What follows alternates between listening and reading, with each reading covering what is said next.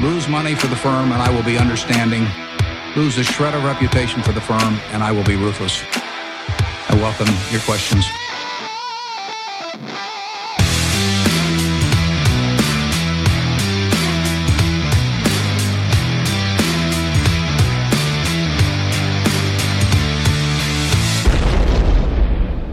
Välkomna till Kvalitetsaktiepodden. Det är jag som är Ola. Ja, och det är jag som är Klas. Eh, Det här är avsnitt nummer 25.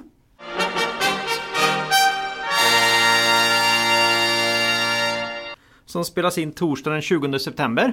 Lite, nästan lite småjubileum. Ja, det blir mycket jubileum så här i, i, i början av poddandet. Och särskilt när man kommer ut så sällan som vi gör så har vi liksom inte Ja, traskat iväg så långt med 25 avsnitt. det är ju jättebra. Eh, Eftersom vi kommer ut varannan vecka också bara så, Ja. så är vi ju snart på ett år här. Ja, så får vi se. Eh, tycker ju det här är kul så att det här lär vi fortsätta med. Eh, och eh, idag då så blir det några bolagsanalyser, inte så jättemånga, en tre stycken. Och sen ska vi istället då som lyssnarfråga här ta ett rejält grepp om hur vi använder Börsdatas screener. Ja. Ja, Eh, fram och tillbaks, upp och ner och eh, vrida och vända på det. För att se hur man kan jobba med, med den och hur vi brukar jobba. ja se om vi kan krama ur några bolag ur den där då. Eh, så det, det var väl på tiden här då va? För vi vill ju också passa på att tacka just Börsdata för att de har valt att samarbeta med oss. Eh, där hittar man ju gratis alla tänkbara data och nyckeltal från eh, bolagen på den svenska börsen. Och sen kan man ju också då skaffa det här prisvärda eh, premium eller den prisvärda premiumtjänsten. Då kan man ju riktigt gå lös. Det krävs nog för att man ska kunna hänga på oss på screenern. Ja, Mm, så är det. Det är ju väldigt värt tycker jag att bli premiumkund här. Eh, Mm. För det är oerhört mycket man kan, man kan göra då. Japp, och det är faktiskt så att George eh, som twittrar då, grundaren av Börsdata, har börjat lägga ut lite hintar om att det kommer någon stor förändring på Börsdata här under hösten. Vi får återkomma. Ja, det hoppas vi verkligen får anledning att återkomma till. Vi ser fram emot det med spänning. Sen då, en annan stor nyhet. Det är många fanfarer här idag. Hemsidan, Ja, kvalitetsaktiepodden. oj. .se är öppen. Ja, det är frågan om jag ska köra fanfaren eller den här japanen. som jag... japanen var han som, som grät något Ja, hejdlöst. han, han var inte jättelycklig var han inte i alla fall. Nej. Ja, nej. Vi vill passa på att tacka den superschyssta lyssnaren Mm. som har hjälpt oss med det här. Ja, fantastiskt. eh, Jag hade på riktigt ingen baktanke när jag senast beklagade mig över hur usel jag var på att få till den här Nej, nej. hemsidan. Men eh, en supersnäll lyssnare kom. Och inte bara snäll, duktig också. Ja, det är ju precis det vi behövde då till skillnad från, från mig då. Mycket bra, mycket Ja. bra. Så att eh, om den har gått live nu idag här. As we speak Ja, nästan. på torsdagen här. Så att om ni har upplevt att internet har varit lite segt under dagen så kan det vara den tillkommande eh, trafiken. Ja, Eh, så vet ni som vad det stökar till det på nätet här. Ja, så vet ni vad det berodde på. Eh, och sen så har vi lite andra planer också. Eh, vi eh, planerar att sprida lite ljus i höstmörkret i Linköping. Och hoppas få till en, någon aktiepub ihop med Market Makers-podden. Så vi vet, så fort vi vet datum och plats här så återkommer vi. Kul! Och först blir det säkert på de här sociala interaktionsplatserna då. Eh, numera också vår hemsida. Det är ju två av mina absoluta intressen, eh, aktier och öl faktiskt. Så Ja. det, det, det är ju underbart att kunna kom kombinera. Vi får väl ta Frågan är om vi hittar ett ställe som också säljer Kopparbergssidor med tanke på Jo, Men, det, de finns överallt. att vi, att vi ständigt återkommer till dem. Eh, så är det ju. Eh, men innan vi kör igång då med resten här så vill vi också påminna våra lyssnare om att aktieinvesteringar alltid innebär ett stort risktagande. Aktier kan både gå upp och ner i värde. Satsa därför aldrig kapital på aktier som du inte är beredd att förlora. Det vi säger i podden ska aldrig betraktas som köp eller säljrekommendationer. Gör alltid din egen analys av bolagen innan eventuell handel. Bra! Då är vi igång. Ja, Eh, du har ju lite aktuella lite grejer. aktuella grejer. Ja, alltså jag tänkte vi eh, måste haka på där eh, alla har varit och grävt sista veckorna. Ja, det finns väl ingen... Veckan. Det Mm. finns väl ingen finans eller börspodd med självaktning som inte har tagit upp, upp att det är tio år sedan nu.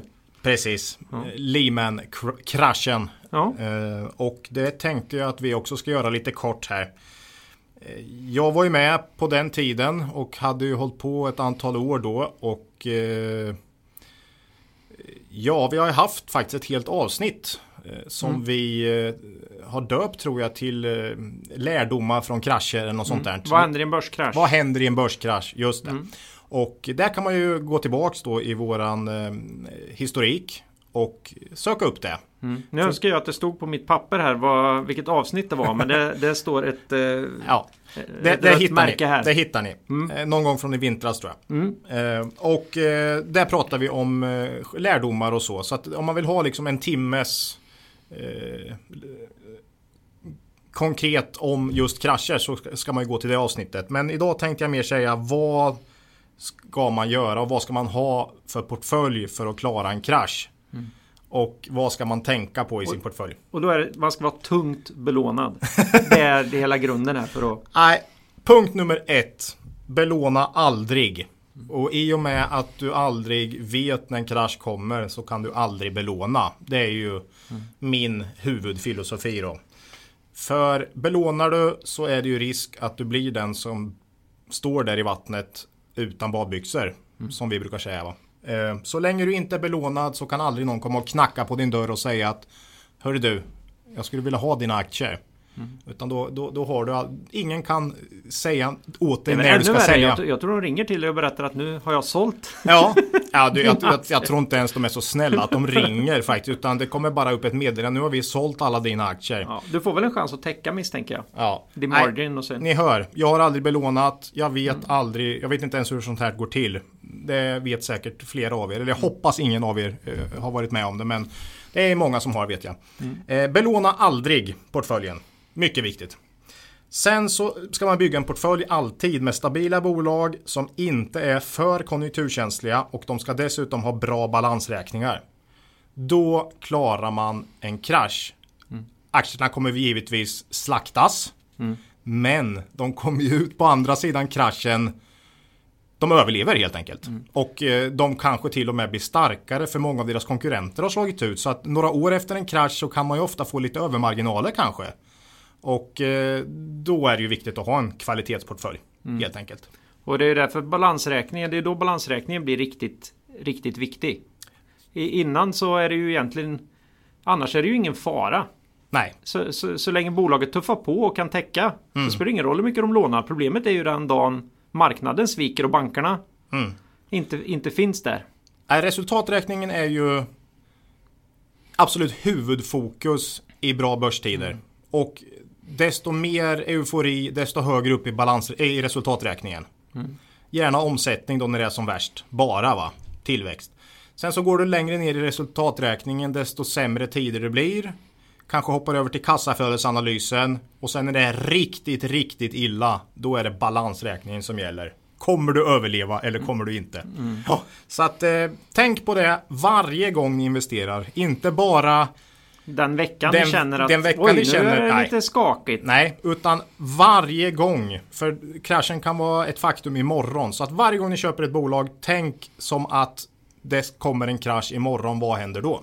Ja, Så är det. Och i och med att man aldrig vet så ska man ju ha bolag som klarar krascher. Så att eh, det är väl det jag kan säga om Lehman. Eh, kraschen så här i efterhand. Jag hade minus 18% det året, kommer jag ihåg. Och eh, gjorde ju enligt skolboken. Gick fullinvesterad in i det med bra bolag och sålde inte. Utan eh, ja, man var ju med ner. 18% gick jag ju back 2018 eller 2008. Men jag tror det var säkert 35% back från topp till botten. För det var ju under det Mm, året. det var ju en ganska lång. Eh, men Nedgång. ja, sen var man plus 90 2009. Så att eh, de riktiga förlorarna var ju de som blev tvingade att sälja på botten eller sålde bara. För att de Det gjorde lite byten där ändå. Jag tror vi pratar om det i Jo andra. ja, ja, för att det ja. fanns ju bolag som blev så fruktansvärt. Ja, jag vet att jag, jag gick in 2008, ett av mina största innehav var Betsson. Som eh, klarade sig hyggligt bra. Och eh, bytte det mot framförallt Hexagon och Swedbank vet jag. Som då hade tappat säkert 80-90 procent där. Mm. Någonting. Mm. Så är det. Eh, det om Lehman-kraschen i eh, backspegeln. Mm. Och nästa punkt du har eh, tagit med här på vår lilla lista som är just två punkter lång. Mm. Är H&M. En, ensam att prata om den misstänker jag. Kan omöjligt vara någon annan som har lagt, lagt märke till att det hände någonting där. Nej, lika lite ensamma där som om Lehman-kraschen här. Mm. Men eh, H&M är ju ett av de här stora bolagen som vi faktiskt kontinuerligt pratar om och eh, då måste vi även göra så den här veckan. Trots att alla har gjort det redan. Men eh, min take på det här då. De släppte ju för det första då omsättningssiffror för Q3. Mm. Och de visade på en tillväxt på 9% i lokal valuta. Dock bara inom situationstecken 4% då. Och eh, det här var ju bättre än vad jag hade trott och bättre än vad alla analytiker hade trott också tror jag. Och eh, grunden för hela H&M's eh, eventuella trendvändning här är ju att få upp försäljningen. För det är ju den som har haltat och marginalerna tappar man ju för att man tappar försäljning i befintliga butiker och så. Så att det här är ju definitivt ett steg i rätt riktning. Eh, jag tycker det är liksom by far det viktigaste. Kolla omsättningen och kolla framförallt i lokal valuta då. För valutan är det ju inte mycket man kan göra åt. Rapporten kommer ju nästa vecka då med hela resultaträkningen. Och eh, där riskerar det ju att bli fortsatt svagt på resultatsidan då för att man har haft lite problem med eh, Ja, logistikbekymmer ja. säger man. Ja. lite diffust. Lite diffust, men på stora marknader. Jag tror bara man vill dra ner förväntningarna lite och, och ja, så. Frågan också. är hur mycket man har reat också. Det är det vanliga. Vi får se, det vet mm. man ju inte. Men försäljningen har gått starkt i alla fall. Mm. Ehm, och eh, jag står nog fast vid det jag sa här senast vi pratade H&M att det är Q4 som ser ut att bli kvartalet då H&M kan börja öka vinsten igen jämfört mm. med förra året. Q3, jag tror inte det blir en vinstökning nu även fast omsättningen steg. Men jag tror att det blir det i Q4 och då är det ju förutsättningen för en långsiktig hållbar eh, kursutveckling igen uppåt mm. för H&M en stor frågetecken här nu är ju kommer man hålla utdelningen oförändrad? Det är många som undrar här. De har aldrig sänkt och eh, ja, eh, ska man dela ut hela vinst eller ska man dela ut samma som förra året i år så måste man förmodligen dela ut mer än sin vinst. Men jag tror om det blir så som jag tror nu att Q4 blir starkare än förra året så tror jag faktiskt man tar det i år. För man har inga direkta skulder och för att hålla en, en trend intakt. För då kanske man kan se mm. att 2019 blir ett bättre år och ja, jag, jag tror faktiskt det om att man ja. gör det. Ja. ja. Och sen så har man dessutom två utdelningstillfällen per år nu så att man eh, kassaflödet blir inte lika lidande här på vårkanten nu. Eh, så att jag tror man kanske kan till och med hålla den här och då är det ju 6-7% i direktavkastning nästan. Fantastiskt bra såklart. Mm.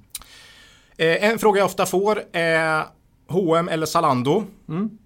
Och eh, Zalando kommer med vinstvarning dagen efter här. Inte på något sätt att jag vill säga vad var det jag sa, men jag tar H&M 10 gånger av 10 om jag ska välja mellan Zalando och H&M. Du och jag har pratat mycket om det här. Hur lätt är det att ställa om till vinst? Mm. Jag tror inte riktigt på det. H&M är ju väldigt pressade nu av alla online-aktörer. Men man kommer ju från en, en verksamhet med som tjänar pengar. Rejält med pengar. Rejält med pengar. Mm. Medan Zalando tar omsättning väldigt fort och tjänar väldigt lite pengar. Eh, jag tycker definitivt med den värdering som Zalando har och allt så tycker jag att H&M Jag skulle personligen välja H&M mm. Så är det. Men just nu väljer vi ju då ingenting Nej, som bekant. Just nu väljer vi ingenting. Men som sagt, Q4 kan bli en sån där viktig... Eh, det blir en oerhört viktig rapport, tycker jag. Mm. Då kan vi få se om H&M får en boost. Då. ja, där har vi en annan. Zalando skyllde förresten på vädret. Och det är ju lite intressant för H&M också då, i och med mm. att de hade ganska bra försäljning här. Mm. Så har de tydligen, antingen har de presterat väldigt bra i en tuff marknad, eller så har de reat ut. jag vet inte. Men eh, ja, intressant ändå. Ja, jag tror folk kanske flydde till de här eh, eh, gallerierna ändå då för att, för att Luftkonditionering. luftkonditioneringen. Ja, en av de trevligaste grejerna man gjorde i somras var ju att sitta i bilen faktiskt. Det var väldigt skönt. Ja, Mm. ja det var bra grejer. Ja. Ja, nej, det var en speciell sommar. Hoppas den förblir speciell, Speciell. i minnet också så att inte det är det nya svarta så att säga. Mm. För det vore inte så kul.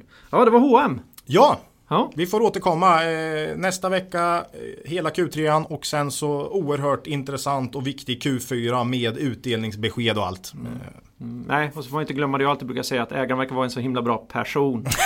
så att säga. Så, Ja, ja, ja, ja. Mm. så är det. Eh, bra. Eh, då går vi vidare på bolagsanalysen. Kul! Tre bolag idag. Tre bolag, tre nya. Är det så sjukt? Ja, Vad håller du på med? Nej men vi För något halvår sedan fick vi något eh, Något eh, Väldigt upprört upprört lyssnarmail eller vad det var med att ni pratar för mycket samma bolag och, och vi tog åt oss av det och har ju sagt då att varje podd ska vi prata minst ett nytt, nytt bolag och den här gången blir det alla tre nya faktiskt. Så vi kämpar se på om- och ska bredda oss. Men vi börjar faktiskt då med eh, ut på vägarna med Bilia. Eh, det här är ju då en bilhandlare, återförsäljare av främst Volvo. Det vet vi alla då. Även Renault, BMW, Da- Dacia heter de väl. Eh, massa andra märken. Och eh, begagnade bilar. De måste ju lösa in bilar här. Får de kränga dem också. Och jag misstänker att den största intäkten, nej inte intäkten, vinsten då, kommer från service. Ja, bra. Bra Claes. Det är lite grunden här va. Jo, eh, Bilia, eh, nytt bolag här i podden men definitivt inte nytt bolag. Utan det här är ju då grundat 1929 i Göteborg. Eh, samtidigt som den här stora New York-kraschen. Wall Street. Wall Street. Svarta ja, ja. Eh, och eh, Bilia är ju ett, eh, ett bra bolag att ta i, i kvalitetsaktiepodden tycker jag. För det är ett sånt där kvalitetsbolag. Eh, Sverige står för 65%, Norge 25%, eh, 10% lite andra små länder. Och stora. Ja, Eh, Tyskland bland annat. Tyskland, ja precis. Service är bara 20% av omsättningen men står för 70% av vinsten. Det är ju lite tråkigt. 80-20 brukar man ju gilla. Ja. Så där har de ju misslyckats 70-20. Ja, Men är förstår tråkigt. principen. Ja. Bilförsäljningen 80% av omsättningen. Man rullar runt massa bilar men tjänar man något? Nej, väldigt, väldigt lite. Vi snackar 1% rörelsemarginal i bilaffären och därför står den bara för 30% av vinsten. Trots att det är 80% av omsättningen. Sen säger man... Ja. Så det är ju Volvo som tar hem pengarna här och inte Bilia. Ja, vi precis. Och jag ska sluta klaga på bilhandlaren när eh, han säger att jag har inga mer marginaler. Det kanske är så. Ja. Du måste ringa Volvo direkt Ola. Ja. Jag får köpa den direkt ur containern. Ja, precis. nej, nej, men så är det. Så att eh, här får man in kunderna genom bilköpet och sen så försöker man dra in pengarna på service. Successivt då. Ja, recurring revenue. Ja, precis. Eh, Bilia har finansiella mål på eh, en total tillväxt på 5-10%. Man har ett mål på avkastning på eget kapital på 18. Och man har en rörelsemarginal eh, på 2,5% som man hoppas Det på över ju- tid. åh. Ja. Det här är ju en intressant fråga då. Mm. Är, det, är, det, är det där bra då? 2,5 det låter ju livsfarligt. Liksom. Det känns som det kan utraderas vilken dag som helst. Mm. Är det vi pratat om då? 2,5 eller 25% Mm. rörelsemarginal. Vad är bäst?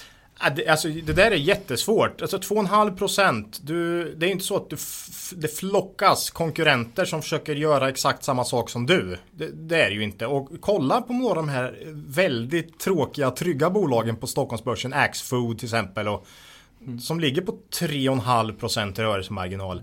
Det, och- men kan man det hela tiden, då är väl det bättre än att en fluktuerande marginal från 15 till 7. Ja men det här är etablerade, etablerade marknader och bolag med ganska låg teknikhöjd ofta. Mm. Det kan inte hända sådär vansinnigt mycket i det normala fallet. Sen Nej. vet vi vad som hänt med retail, på retail-sidan. Mm. Eh, Men, men eh, och så ställer man det mot någonting då, spelbranschen till exempel då eller? Spelbranschen som kom från 30% rörelsemarginal och nu då flockas konkurrenter och så är man på väg ner i marginal. Och från andra hållet kommer staterna då. Så att eh, nej, det är jättesvårt att säga. Men Bilia har väldigt låg rörelsemarginal men är väldigt bra tycker jag på att hålla den över tid. Eh, sista åren här nu har man slagit sina mål med råge. Mm. Och det har väl att göra med eh, den Högkonjunktur då. Folk har massor med pengar. Ja, Det är låga räntor. Mm. Folk har ju jobb. ja, precis. Det är vad jag tror i alla fall. Och eh, vinsten har ju fullkomligt exploderat. Det kan ju ha spelat roll att Volvo har ju blivit väldigt populärt igen. Mm. Först så var alla så här supernegg och nej, kinesiska ägare och så Mm. bara vänta nu, de tillverkar ju uppenbarligen fantastiska bilar. Zlatan-reklamerna som kom där vart ju alltså Jag undrar om bil, hur mycket de är med och pyntar egentligen. Men eh, ja, jag vet inte. Eh, Någonting måste de väl kunna få av Volvo i alla fall. Ja, de verkar ju inte få något betalt när de säljer deras bilar. I alla fall. Ja, nej, men man ligger alltså klart över sina mål nu. Och här är väl lite risken i Bilia i dagsläget. Att man har en bit ner till vad man tycker är okej över tid. För Bilia har faktiskt pendlat ner under noll någon gång där 28-29 var man nere på, på minus. Återkopplar vi här till inledningen av podden. Just det. Minnes Ja, goda lyssnare. Exakt och eh, Sen är man då uppe kanske och toppar på 4,5% rörelsemarginal. Men i snitt så har man då 2,5 ungefär. Nej, man har lite under 2,5 faktiskt, men man har det som mål. Eh, PE på Bilia nu. Väldigt fint bolag som tuffar på, men det ligger på 10,5 i PE. Det är ju väldigt lågt såklart. Eh, Men 10-årssnittet är faktiskt inte mer än 11,5 ungefär. Så marknaden är inte beredd att betala så mycket här och det är väl just för det, att det går att det, att, det rör, att det svänger ganska mycket upp och ner i, i lönsamhet helt enkelt. Man är väl konjunkturkänsliga och man är Mm. definitivt inte en global spelare som några av de här andra svenska Nej, konjunkturbolagen som man tänker hur kan de vara värderade så högt. Men de har åtminstone en världsmarknad då.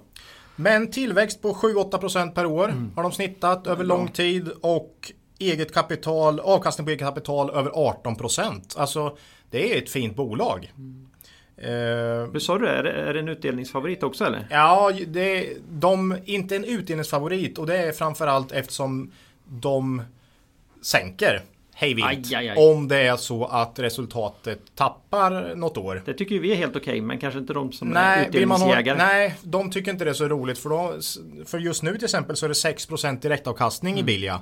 Men den kan mycket väl vara 3% nästa år. Mm. I i och med att de justerar eh, utdelningen efter, eh, efter resultatet helt enkelt.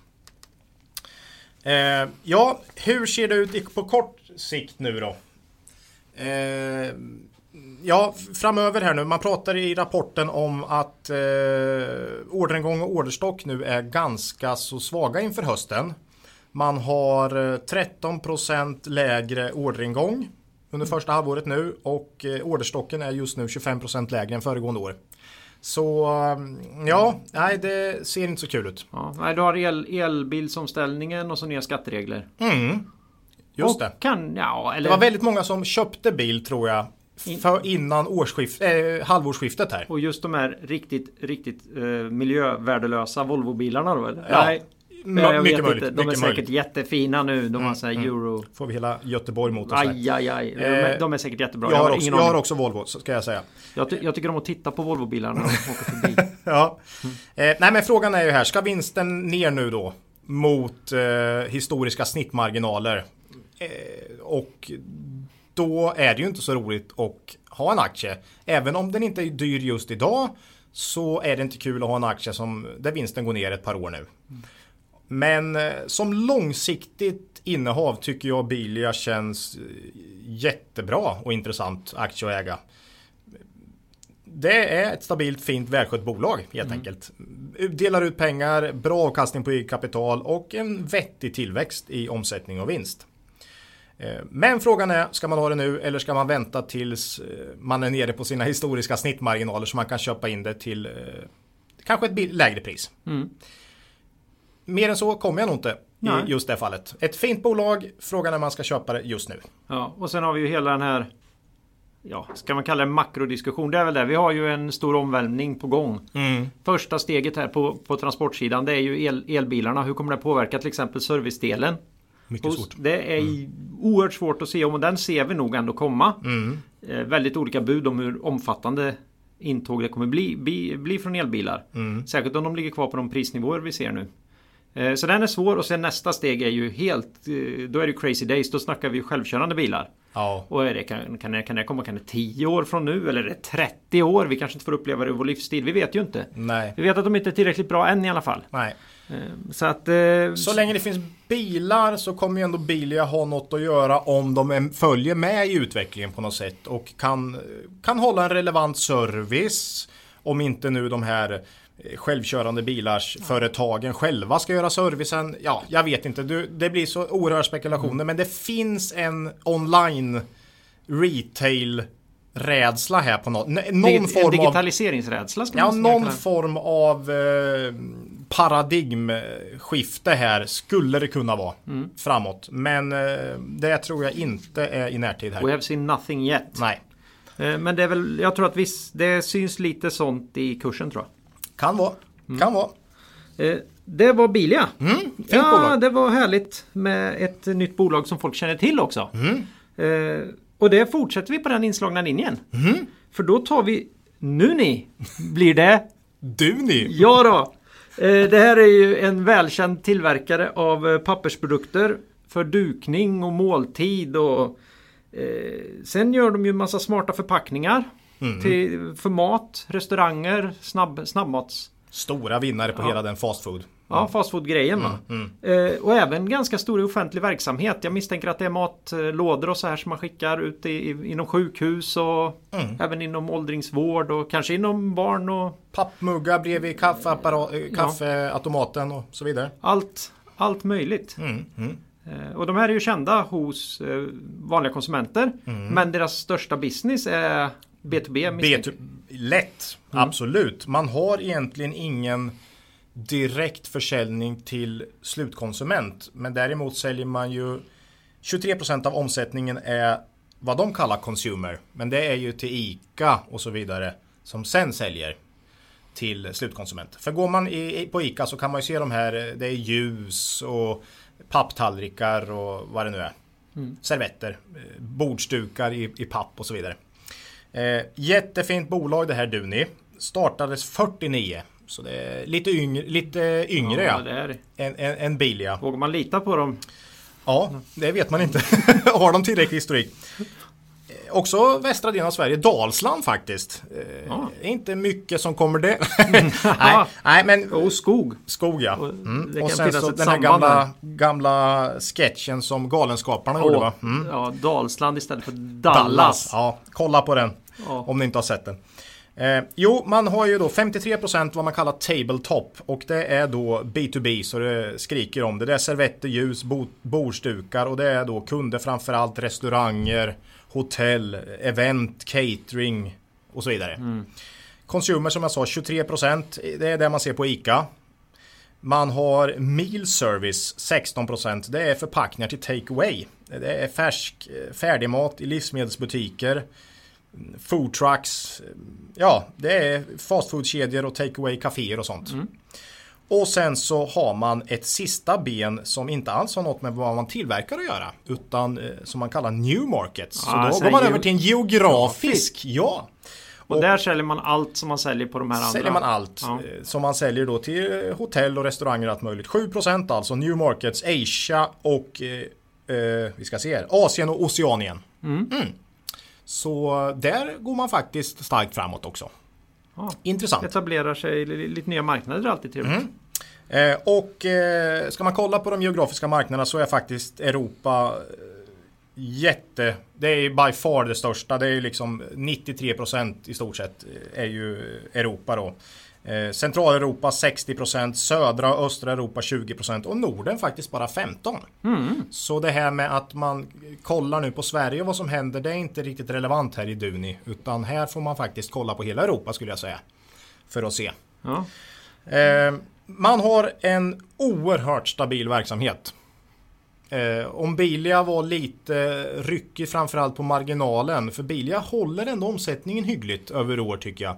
Det är Men en klocka vi tittar på här. ja, här är det en klocka. Men man har inte samma historiska snitttillväxt som Bilia. Utan här är det låg ensiffrig tillväxt över tid. Lite Axfood. Du vet det här, man tuffar på med ett par procent som inflationen ungefär. Och sen så ligger man oerhört stabilt i Mm. eh, rörelsemarginal istället då. Och Förvärvar man någonting då? lite grann, men inte mycket. Småplutt. Småplutt ja. Ja. Men lite gör man. Eh, man har mål på 5% organisk tillväxt, men det har man faktiskt inte legat på eh, sista 10 åren. Eh, ja, man har en rörelsemarginalmål på 10% och man ska dela ut 40%. Bolaget, bolaget är väldigt välskött och ligger och snittar runt 10% precis som målet. Oerhört stabilt. Man har en relativt ny vd i Johan Sundelin. Eh, han fick dock en ganska tuff start här i vintras. ja, det hände någonting med massapriserna. Ja, alltså det är ju så. Man kan ju inte veta om allt liksom. Och det visar ju bara hur svårt det är att prognostisera vinst även i ett sånt här bolag. För man har inte riktigt kunnat parera den här uppgången i massapriser som har varit sista året nu. Och han skriver i rapporten att massapriset har de senaste nio månaderna ökat lika mycket som de har på de föregående nio åren. Och det här är goda nyheter till alla som äger skogsfastigheter misstänker jag. ja, det borde det ju vara. Så grattis! Grattis ja. Eh, Men det här eh, betydligt, betydande risk för fortsatt marginalpress skriver man. För man är just nu lite pressad i marginal och det är för att eh, det är så oerhört dyrt att köpa in eh, Ja, skogs... ja, ska, eh, Massa. Massa, exakt. Det blir ingen papper annars. Nej. Ingen papp heller. Ingenting. Och man har sagt nu att man ska eh, få bukt med det här. Men prisökningarna kommer inte få full effekt förrän under 2019. Så man kan ju tänka sig att man har ett halvår här fortsatt med ganska tuffa marginaler då. De kommer inte helt enkelt ligga på det historiska snittet på runt 10%. Sen är det ju, det finns ju en annan liten grej här. Jag läste kort där att de skriver om det här med plasthatet som har kommit här nu då. Eh, vi, vi vill inte ha någon plast det hamnar i våra hav. Mm. Eh, framförallt det då som De har ju en marknad som är långt utanför Norden så att säga. Så att där är problemet. Oceanien är ju inte bra. Om man tittar stat statistiskt. Eh, då är det ju tungt för dem eftersom de har en hel del plastartiklar. Å andra sidan är det jättebra för dem eftersom de också har alternativen Ja, till Ja, de här ja. plastartiklarna. Men de är ju naturligtvis mycket dyrare. Så det gäller att få kunderna att betala för det här och acceptera att Mm. det är betydligt dyrare med ett sugrör i, i papp än i, i plast. Och nu vet jag inte just om de gör sugrör men om du har haft någon jätte... det gör, det gör någon, någon pl- plastmugg som ska klara väta väldigt motsvarande kvalitet på papperssidan är mycket dyrare. Mm, mm. Och, det, och det här måste man, men det är lite intressant så att det är så kul när saker som är negativt för dem Mm. också är positivt Ja, ja. för dem. För de är ju en stor spelare på, Ja, ja, på hållbara alternativ. Om det är någon som, där kan du slå om. Det, det tror Mm. jag definitivt att de kan plocka marknadsandelar på papp där. Definitivt. Men det är väldigt ärligt också. Jag gillar vdn för han tar upp det här. Han tar upp båda sidorna. Mm. Det hade varit lätt att bara säga det här är kanon för oss. Ja, Ja fast vi är ju en spelare på plastsidan idag. Det är en del av vårt sortiment och det, det är svårt. och när du köper macka på eh, 7-Eleven.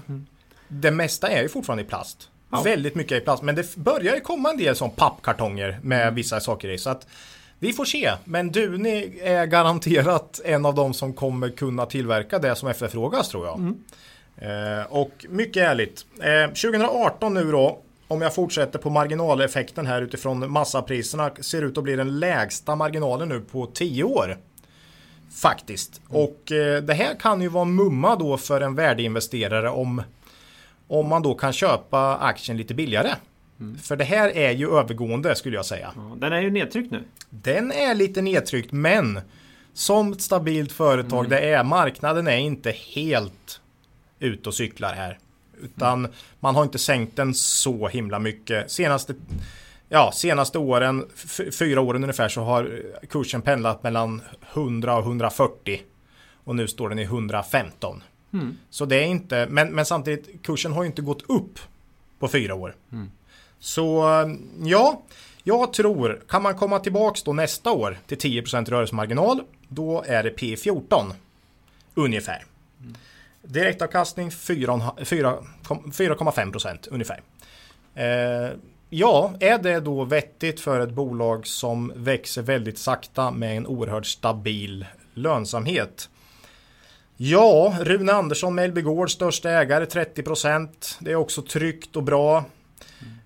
Jag kommer ihåg, jag tog ju lite rygg på honom med Academedia Ola.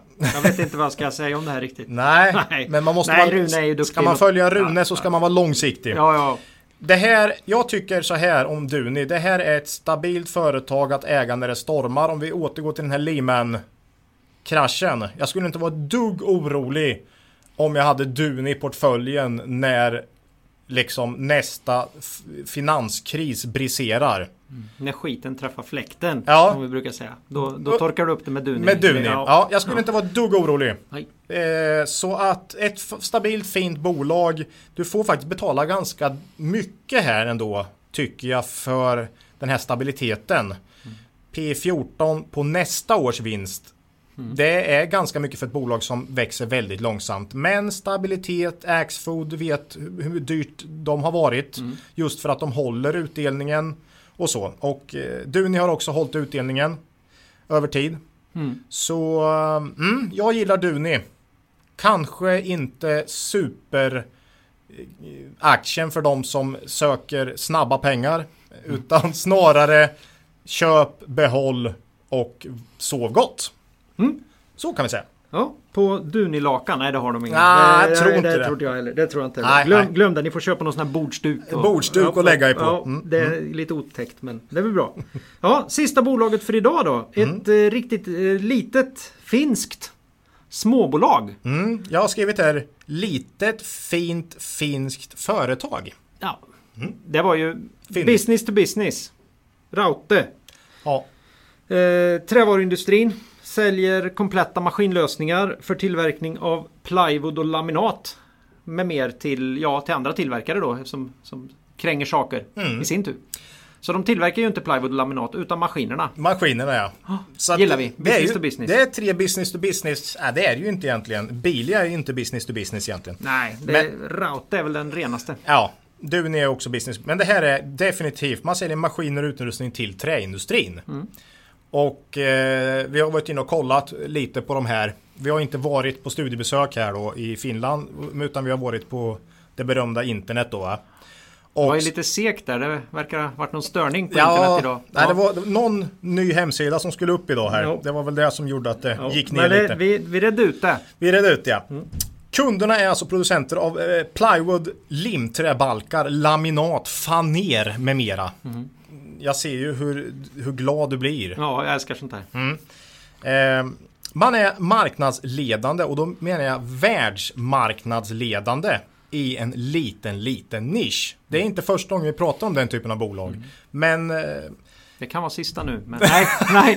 nej, jag tror inte det. Nej, oerhört, oerhört intressant tycker jag. Man är liksom ledande. Det är oerhört kom stora, komplexa maskiner som man säljer då. Eh, och sen service på det. Mm. Det här är ett globalt bolag som jag sa. Största marknaden Europa 50%. USA 15%. Ryssland 20%. Mm. Där går man starkt framåt. Och eh, ja, man har alltså ganska bra spridning på omsättningen. Första halvåret 2018 nu omsättningen upp 10%, vinsten upp 50%. Mm. Så det är högkonjunktur. Mm, det går bra nu. Det går bra nu. Eh, man har en väldigt stor orderbok, skriver man. Det mesta ska dock ut först under 2019. Så eh, andra halvåret här 2018, det verkar vara lite hål där faktiskt. Mm. Eh, för man säger i guidningen nu inför andra halvåret att omsättning och rörelseresultat 2018 kommer förmodligen landa på samma nivå som 2017. Och då inser man att om resultatet var 50% upp första halvåret, ja då kommer det ju inte bli lika bra som förra året andra halvåret om det ska bli samma slutresultat. Nej, det kommer vara avsevärt sämre kan jag ja. säga. Det, det, här med procent är svårt, men det är min gissning. Det är din gissning. Ja, det är min gissning. Ja. Nej, men det är, alltså, hösten kommer förmodligen inte se så rolig ut. Eh, och inte bara det, för går man tillbaks och kollar eh, Raute historiskt här så har man drabbats hårt i lågkonjunktur. Både 2002 eh, till exempel då. Eh, efter dotcom bubblan sprack mm. där så hade vi faktiskt en eh, generell lågkonjunktur. Mm. Då sjönk omsättningen med 35 procent det året och bolaget vände till förlust. Mm. Samma visa 2009 mm. då det var lågkonjunktur. Fast då sjönk omsättningen med nästan 60 procent. Ja, mm. Europa drabbades hårdare där och bolagen hade, ville Fin- inte investera. Finland hade det ju jättetufft också. Eh, så ja, det var inte bara Finland såklart. Men eh, 60% ner i omsättning. Så det här är ett konjunkturkänsligt bolag vi har att göra med. Vad de än säger så är det så. Det här är lite intressant. För det här är ett sånt här tydligt exempel på att det räcker inte med att kolla historik nu när vi kommer till börsdata nästa punkt här. Det räcker inte med fem år. För då är Raute med topp här. Det ligger med i topp på många screeningar man gör nu på fem år. Men drar du ut det till tio år så har du med en lågkonjunktur. Och då kommer de inte med va? Så, Tuffare. mm, så gör inte, alltså man måste kolla över en lågkonjunktur tycker jag för att se hur ett bolag verkligen klarar sig över eh, cyklerna. Och vi har inte haft en lågkonjunktur Ja, på... men vi befinner oss ju på en ny permanent hög Ja, nivå ja. nu, Ola. Så det var ju det här snacket sluta oroa dig. 2006. Eh, Superkonjunkturen kallar man det då. Det blev en hård smäll på den sen 2008. Ja. Eh, nej men så att eh, det här är ett, eh, ett bolag som går upp och ner i, med konjunkturen. Eh, för om du tar året efter 2009 då, 2010, då är omsättning plus 70 procent. Så helt klart. Idag är det P11. På rullande fyra kvartal bakåt. Så ungefär som Bilia då. Eh, Jag vågar inte ens gissa framtiden här för kommer det lågkonjunktur då försvinner ju omsättningen. Det är ju så det känns. Det här är ett bolag som jag ungefär tycker som Bilia fast det är mycket mer volatilt. Eh, Men jag tycker att man ska med fördel köpa ett sånt här eh, över tid fint bolag i lågkonjunktur. Helst då när man ser att eh, lågkonjunkturen börjar släppa sitt grepp då. Helt enkelt.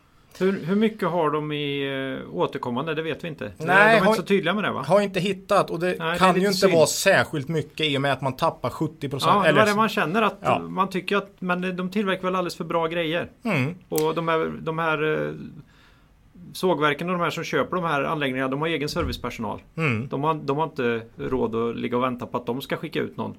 Nej, processindustri liksom. de måste ju lösa det Ja, direkt. direkt. Mm. Så det är, det, är, det är hårt för sån här. Så det är ganska stora införsäljningsaffärer. Eh. Och sen så blir det inget hösten 2008 då. Mm. Till exempel. Mm. Det, det är ju så det eh, Så ett, ett fint bolag faktiskt. Välskött och eh, med lång, fin, med lång historik men konjunkturkänsligt. Mm. Så köp i slutet på lågkonjunktur och då gäller det bara att lista ut när det är så att säga. Men eh, mm. Nej men vi tog uh, Raute där då. Raute. Och lite på förekommande anledning i och med att vi ska prata börsdata och screening. Mhm. Och det här är en, ett sånt här bolag som dyker upp. Och vi titt sånt här säger men Raute! Ja. Fasen ser ju skitbra ut och sen så blir det den här diskussionen. Du, ah, må, du måste byta Ja. inställningarna till 10 Tio år år, Claes. ja. Det är den. Det är den. Eller faktiskt läsa på om bolaget lite Ja. grann så kommer du förstå. Lyssnarfrågan Ola. Mm. Handlar om screening. Först blev jag lite upprörd för jag tänkte att de, det var någon peak mot våran ålder och våran syn på prostata screening. Men eh, det var alltså inte det det gällde utan det gällde ju eh, Så gamla, så gamla inte. Ja. Screenern här på... Börsdata. Data. Eller man kan faktiskt göra screener på många ställen. Ja fast de tycker vi är ju fullständigt... Mycket sämre. Mycket sämre. Mycket sämre. Mycket sämre. Ja. Okej, så att då gör vi så här att vi kommer prata utifrån det här som är svårast som finns i en podd. Utifrån en bild eller utifrån ett eh, data på en skärm här. Mm. Vi kommer ta och lägga ut åtminstone en grundbild på vår hemsida. Mm. Som vi som tursamt har fått upp idag då. Mm. Och sen eh, kommer det väl läggas lite länkar då på de här sociala medierna. Mm. Eh, Så, så där kommer ni nu när ni lyssnar på det här kunna gå in och titta om ni tycker att det är svårt att hänga med. Eh, I alla fall på den här grundscreen, eh, in, grundinställningarna som Ola ska prata om här. Mm. De lägger vi upp där. Ja. Och sen jobbar vi vidare därifrån kan man säga. ja. Och det här är ju en fråga vi har fått. Det är väl den kanske den vanligaste frågan vi har fått under vårt första snart år här. Det är oerhört många som har önskat att vi kan berätta om hur vi försöker få fram Mm. intressanta bolag. Och det har väl inte mattats av att vi nu har ett samarbete med Börsdata heller kanske. nej. Eh, och eh, jag har nu tagit fram en, eller jag har en sån här standard scre- eh, screener Mm. som jag går efter nu för tiden. Mm. Eh, med vissa typer av nyckeltal och, och, och nivåer på dem som jag tycker ger ett bra utfall. Det här är ju sånt som kan förändras över tid. För det är väldigt svårt att hitta bolag med jättefin vinsttillväxt på sju år. Mm. I ja, slutet på en lågkonjunktur kanske. Även kvalitetsbolag kan tappa en del. Och eh, så att det kan vara så att vid olika tillfällen så måste man justera här för annars kommer det vara så att när du gör din sökning när det aktier är som allra billigast så kanske du inte hittar någonting va? Man har tvingats ha lite för höga mm. krav. Eh, men i dagsläget ser den ut så här då. Vad tror du kommer först Claes? Nu, nu, vet jag det Ola, men eh, jag, jag hade tanken... ändå gissat. Jag ja. hade ändå gissat på PE Ola. Ja. Jag har PE och där har jag satt max 25. Och det innebär... Det är väldigt generöst av dig. Mm, men det här är historiskt då, fyra kvartal bakåt. Mm. Eh, jag vill ändå kunna fånga upp lite bolag som ökar vinsten väldigt snabbt här då. Och mm. då kanske det är P15 i vissa av de här på fyra kvartal framåt. Mm. Till exempel. Ja. Så P25 har jag sagt. Jag har faktiskt sagt en minnivå på P också. Mm. Det är jätteviktigt kan jag säga. ja, för att du får med mycket skräp skulle jag säga om du inte sätter någon form av min, min-nivå. Jag har satt 7% där generellt då. Eh, eller 7, förlåt, mm. 7 i PE som lägsta nivå. Mm. Och ja, det är bara för att få bort sånt som ser konstigt ut helt enkelt. Eh, eh, så det är det första. Eh, väldigt viktigt. Man får inte betala för mycket helt enkelt. Nej. Nej. Sen är det då tre nyckeltal här med där jag har ett eh, sjuårssnitt på. Det första är omsättningstillväxt på sju år. Mm. Det andra är vinsttillväxt på sju år. Och det tredje är return on equity, avkastning på eget kapital på sju år. Mm. Och... Eh, det där omsättning, att du har omsättningstillväxt och vinsttillväxt här kan vi återkoppla till lite. Vi pratade om bullshit earnings. Ja. Förra varvet. Omsättningen är viktig men den måste rinna ner till sista raden också. Ja, och det är alltså att lägst 5% i årlig tillväxt i snitt. Mm. Annars tycker inte jag det riktigt det är värt att, eh, att äga. Mm. Jag tycker det är lite för lågt. I alla fall i sådana här bra tider. Ja, vi måste ha lite tillväxtkickar nu. Ja, det, det måste vara tillväxt och det måste vara eh, stabila marginaler. Jag vill ha båda där, mm. så att säga. Eh, avkastning på eget kapital har satt som lägst 10%. Annars tycker jag det är för dåligt. Mm. Sen har jag med direktavkastning. Och där har jag bara satt 0,5. Det vill säga det är mer eh, någon form av kvalitetsstämpel där. Jag tycker de ska dela ut någonting men jag är absolut inte en utdelningsjägare. Men jag tycker det är ett kvalitetsmått att ha en utdelning. Så jag har satt 0,5 bara för att ta bort alla som inte delar ut något helt enkelt. Mm. Men den här rekommenderar vi också att ändå ibland sätta till noll. Mm. För att se vad som då uppenbarar sig så att säga. Mm. Men eh, visst är det en, en kvalitetsstämpel att faktiskt försöka ge tillbaka lite direkt till ja. aktieägarna. Ja, det är så. Ja, jag, jag tycker det. Mm. Eh, sen har jag med nettoskuld genom ebitda för att kolla av balansräkningen som vi pratade om här förut eh, angående Lehman. Och där har jag satt eh, två som max eh, nettoskuld genom ebitda, det vill säga på två år av bullshit earnings så ska du kunna betala av din, din skuld. Va? Mm. Ja. Ehm, så det har jag och sen så har jag även med börsvärde. Och det brukar jag hoppa lite fram och tillbaks och leka med men just nu står den på 20 miljarder annars tycker ja som max då. Annars tycker jag bolaget är för stort. Och... Här är det viktigt att komma ihåg då att Börsdata har ju bolagen i sina handelsvalutor. Så 20 miljarder i ett svenskt bolag är lite annat än 20 miljarder i ett finskt Finst, bolag. Just det, gånger 10. Ja, just det. Så här har vi ju tagit det svenska måttet. Mm. Så, så man får dra av en, en tia där och några procent om man kollar på norska och finska och sådär. Men mm. det är väl framförallt om man stöter på euron så, så ska man förstå att en del av bolagen som dyker upp där kan vara jättestora. Mm. Mm. Och varför jag tar bort de stora är generellt för att jag tycker jag har en bättre edge på mindre. Det är så många som följer de här jättestora mm. bolagen. Duktiga analytiker i vissa fall. Mm. Mindre duktiga i andra. Men alltså det är många som följer i vilket fall mm. som helst. Och eh, dessutom så all logik säger, säger ju att du får lägre tillväxt desto större du blir. någon gång måste det mattas av helt enkelt. Eh, Mm. I och med att eh, det, du har svårare och svårare jämförelsetal att växa från hela tiden. Mm. Ja men då har vi ju de här diskussionerna om när, när, när du ska sälja, när Atlas Copco ska börja sälja mer Mm. borrutrustningar så behöver vi kolonisera Mars någonstans här. Liksom. Ja. Det, Lite, man, man kan bli ganska dominerande till slut. mm. Men jag har sagt 20 miljarder, det kan vara 10 miljarder också. Man kanske kan sätta 50 mil- det är ju, all, Allt det här är ju up for grabs. Men som en start eh, Som en startscreener här.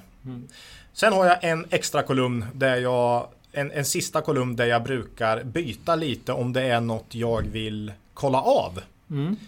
Och eh, just nu står det vinsttillväxt på tre år i snitt där. Och det är för att kolla vad är de i för trend nu. Jag tycker det kan vara ganska intressant att se om de har vettig tillväxt på sju år. Men svag sista tre åren. Då kan det faktiskt vara något man kan hitta om de är i en liten svacka. Till exempel. Så ja, det där är så att säga eh, mitt default eh, inställning just nu. För att det vi väl säga innan vi nu börjar eh, titta lite på vad man skulle kunna få ut. För vilka bolag man kan få ut här då. Mm. Så är det ju så här att det man gör sen det är helt enkelt att man tar en, peng, en hög med pengar och sen handlar man de här bolagen som dyker upp här. I, I någon slags ordning bara eller? Nej, Nej, det är då det börjar. Det är då det börjar. Ja, ja. Men det här är fantastiskt. Av 1520 bolag på börs, börsdata då Mm. har jag nu fått ut 50. Som, som möter de här. Ja, Mm, och, och det vi möter kan ni nu titta på på vår hemsida så får ni se precis bilden. Så här Mm. ser det ut på börsdata när vi screenar. ja. Eh, Så 50 bolag har vi kvar då när vi har gjort den här screenen eh, utifrån de 1520. Det är ju klart mer hanterbart att börja gå in och detaljgranska för det är det som börjar nu va. Ehm, och kollar man nu på den här listan så är det ju väldigt många bolag som vi har pratat om i podden. Föga förvånande då. Mm. Nej, det är väl inte en slump. Nej, det är AQ, Acando, BTS, eh, Bilia som vi pratade om idag, Phoenix Outdoor, G5 Entertainment, Knowit, Kopparbergs, eh, NGS, Net, Entnolato, Proact, Swedor. Ja, det är massor av de bolag vi har pratat om som kommer upp här. Just eftersom att det är den typen av bolag vi gillar. Jag tycker också det är kul för att, här Spiltan kommer ju upp här. Mm. Man blir ju hyggligt imponerad av ett investmentbolag som kan Mm. eh, Fantastisk Ja. historik här. Senaste fem eller sju åren i alla fall. Oerhört eh, vasst. Ja, man blir imponerad. Men det har varit bra tider men eh, Ja, eh, om vi kollar på... Sen kan man då liksom klicka på något av de här nyckeltalen och sortera efter det ju. mm. Och det tänker vi, den vi lägger ut kommer nog vara sorterad på PE. Ja, för att det är vårat signum. Ja. Sällan dock de med lägst PE är de bästa. Det är ofta något som är lite fel. Som jag sa, jag tog bort dem under 7. Men även de som har 7, 8, 9 är, ju, är man ju halvskeptisk till alltså. Eh, lägst värderat om man sätter 7 som gräns nu är NGS. Ett bolag som vi faktiskt har pratat lite om i podden. Och eh, har ju, kollar du bara på siffrorna här. Snitttillväxt i omsättning på 30% över sju år. Vinsten har ökat med 15%. Return on equity 21%. Direktavkastning 6%. Ja, det är ju klockrent. Men De har just... inte jättemycket skulder men det är ju inte helt rent här, absolut inte. Nej, men en vettig balansräkning liksom. Eh, de kan betala av skulden på mindre än ett år liksom. Japp, Eh, med bullshit earnings. med bullshit. ja, nej men så att då får man gå in och kolla då. När man väl har fått den siffran, oj, NGS intressant, vad gör de då? Och då vet du ju, det är ju mycket vårdpersonal då, Ja, inhyrning. bemanningsföretag. bemanningsföretag. Och eh, ja, landstingen knyter till, det har varit val. Eh, Politisk risk. Sjöstedt vill så att säga mm, förstatliga hela, hela sektorn. Va? Så eh, ja, då kan man få bolag till P7 helt enkelt. Och då måste man ju verkligen, det är då den här, eh, vad heter han, Howard Marks second level thinking kommer in. Det här är ju first level på något sätt. Mm. Eh, Men då måste du verkligen sätta dig och börja fundera på vad händer där just nu för NGS. Varför tappar de i rörelsemarginal? Eh, Det ser du inte på screenen här Nej. direkt. Ja, du ser att... Och vad har de för planer? Hur tänker de bemöta den här? Ja. på screenen ser du kanske att tillväxttakten takten mattas något och att vinsten inte har vuxit lika mycket som omsättningen. Men när du går in och kollar i siffrorna så ser du att de tappar marginal framförallt på vårdelen. Mm. Så ja, då, då börjar det själva arbetet så att säga. Eh, jag vet inte om vi ska gå igenom så mycket mer. Eh, du har Svedol här till exempel då. Mm. Resurs har vi också pratat om. Är det Marimekko kommer högt upp ser jag. Eh, finska. Ja. Design. Eh, mm. Jag tycker att eh, det här är en bra startpunkt för att eh, mm. börja mm. kolla på bolag. Sen får man ju gå in och, detaljgranska de här så att säga. Mm. Ehm, men vi lägger ut det här oh. på hemsidan. Så kan, eh, kan man göra samma inställning själv om man vill. Eller så kan man ta några av de här och säga att ja just det, eh, avkastning på kapital har jag inte med. Det kanske, man, det kanske kan vara intressant. Och sen man kan ju leka i oändlighet här. Mm. Och eh, flytta på vissa gränser och byta ut något nyckeltal och så vidare. Så, ja. Ja. Nej, eh, det finns... Eh, ja, nej, man kan ju hålla på i evigt evighet. Men här någonstans, om man startar här och som en utgångspunkt för att titta närmare på bolag så tycker vi nog att det är ganska vettig start. Mm. Eh. Och många pratar ju direktavkastning. Jag vet ju att många gillar det. Då kan man istället för att sätta 0,5 som jag sätter man då 3 kanske. Mm. Eller 4. Om man vill ha högutdelare så att säga. Mm. Ja. Och så kan man ju sortera på det man gillar då. Sorterar man, mm. exakt. Man, man, kan göra som jag har gjort här och sen sortera på direktavkastning till exempel. Då kommer Dedicare i topp. Mm. Ja.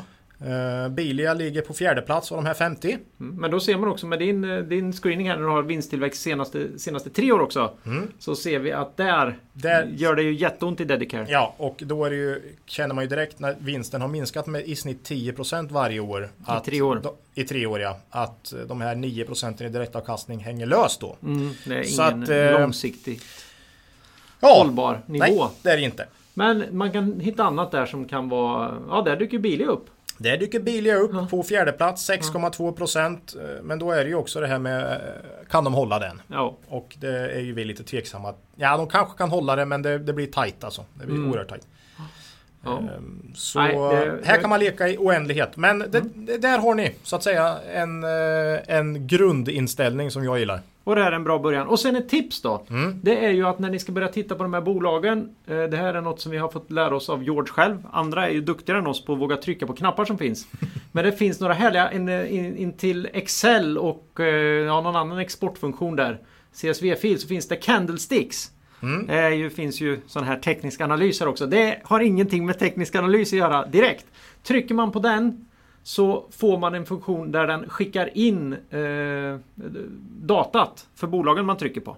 Mm. Så att man på ett mycket enklare sätt kan vara kvar i sin screener samtidigt som du tittar på nyckeltalen för bolagen. För det är ju också ett steg, ett naturligt nästa steg att gå från screener till att faktiskt Ibland kan man ju avfärda bolag mm. eller bli väldigt intresserad av bolag bara genom att fortsätta titta på börsdata. Ja, ja.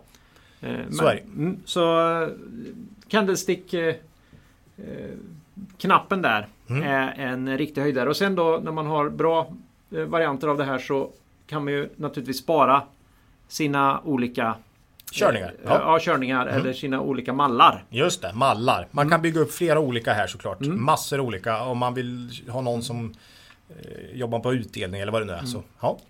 Eh, så att, eh, ja. Mm. Nej men hoppas, sådär. hoppas ni har kul när ni håller på. Vi tar jättegärna emot frågor mm. om det mm. vi har pratat om nu och andra funderingar. Kanske inte så mycket på teknisk analys. Nej, där, är, Delen, där, där är vi där svaga. Får vi skicka, det får vi skicka vidare. Mm, mm. Mm. Så är det. Ja. Bra Ola! Mm. Nu blir jag ju sugen på att titta vidare på en del bolag. Ja, här. jag ska sätta mig med börsdata direkt efteråt här. Ja, mm. så, så får det vara. Vi hoppar vidare. Mm. Vi har förbrukat på tok för mycket av lyssnarnas tid redan. Mm. Så att idag blir det en, en supersnabb citat genomgång och då är det återigen ett sånt här citat som egentligen bara vi tar för att bekräfta att vårat sätt att se på aktiehandel är rätt. Då. Och då går vi till grunderna och då går vi till Benjamin Graham. ja, det, är liksom, det är Buffett fast ett steg till. Då. Ja, ja. ja. Om, om, du inte vågar lyssna på Buffett så lyssna på Graham. Som Buffett lyssnar på. Mm. Mm. Och då har han ju sagt, och det här har ni nog hört. In the short run The market is a voting machine. But in the long run it is a weighing machine. Mm. På kort sikt så är det en röstningsmaskin. En sån här från Florida som vi lärde oss om på den gamla tiden. Mm. Och in, på lång sikt så är det en våg. Mm. Mm. Eh, bra bolag väger tyngre och tyngre på sikt då. Mm. Eh, och liksom blir mer och mer värda. Medans på kort sikt kan faktiskt eh, Ja, psykologin psykologin, eh, handlarnas psykologi Mm. och deras röster kan väga tungt på kort sikt och driva kurser både uppåt och neråt. Mm. Så klockrent. Ja. Eh, sammanfattar mycket av en värdeinvesterares eh, synsätt. Och utmaning. Och utmaning, absolut. Man måste kunna utnyttja de här eh, polit, eh, röst. Och, och, och överleva dem. Överleva. Och inte få panik och Nej. tänka att de vet något inte jag vet. Och återkommer till belåning där som vi pratade Lehman-kraschen. Mm. Eh, man vet aldrig hur galet det blir när börsen faller. Eh, så belåna inte för mycket helt Nej, enkelt. för då kanske man inte får vara med när det vänder igen. Nej. Eh, Så det var ytterligare ett sånt här härligt värdeinvesteringscitat då som vi älskar. Mm. Eh, Då har vi nått vägs ände för det här jubileumsavsnittet. Mhm. Lite, lite tungt att kalla det där 25. Men 25 är väl trevligt? Det är många som tycker om 25. Jag tycker det, jag tycker det. 25 år är ju länge. Ja, det är ju länge. 25 avsnitt kanske inte fått så Nej. länge. Ja. Eh, Nästa avsnitt i alla fall, det blir en onsdag igen. Mm. 5 oktober. Vi ska iväg och hälsa på ett av våra onoterade innehav och inviga lite nya lokaler där. Mm. Så den torsdagen gör vi något annat. Så får ni stå ut med onsdagen. Mm. Och som vanligt för er som inte gillar det så kan ni vänta en dag och lyssna. Så har vi löst Problemet. Mm. hela, hela problemet igen. Ja. Ni kan mejla oss på kvalitetsaktiepodden gmail.com. Mm. Eh, Ni får jättegärna gå in på vår nya hemsida. Vi har eh, i början med att ha kommentatorsfälten öppna. Vet inte vad som kommer hända med det. Vi kommer förmodligen få stänga dem när trollen invaderar oss. Men eh, det märker vi. Mm. Twitter, Facebook, ni kan den där grejen. Va? Eh, Så hör gärna över till oss. Vi älskar era frågor och vi svarar på så många vi kan. Mm. Och då kommer vi till det här Ola. Något makro värt att ta upp idag? Nej, det har jag faktiskt inte. Nej. Ja, valet. Vi sa förra gången att det förmodligen kommer vara, bli någon slags kaos. Och det blir det. Ja. ja det var det. Eh, vad det. Hur det påverkar börsen vi ingen aning. Nej. Teknisk analys då Ola? Nej, men du har säkert något eller? Nej, nej, egentligen inte alltså. Fick ju en sån jäkla nackspärr nu när jag försökte sätta en sån här avancerad huvud-skuldra-formation här i helgen. Det, är, det kostar mer än det smakar nu till jag för mig kan jag säga. Så Okej, det, okej. får se. Får Bra. se om jag orkar fortsätta med det här alltså. Bra jobbat, jag kan massera lite sen. Ja, ja, tack. Tack Mm, Ola. Eh, eget ägande? Nej, då var det väl blankt va? Det var inget av de bolagen vi pratade Ja, i screenen kom det upp lite här. men, Men, det, eh, ja. det vet vi inte ens Nej, knappt. nej. Eh, det var bolag i en lista. Mm. Eh, så att med det så säger vi hej då för den här gången. Och kom ihåg Det är först när tidvattnet drar sig tillbaka som du får se vem som badat naken. Lose money for the firm and I will be understanding. Lose a shred of reputation for the firm and I will be ruthless. I welcome your questions.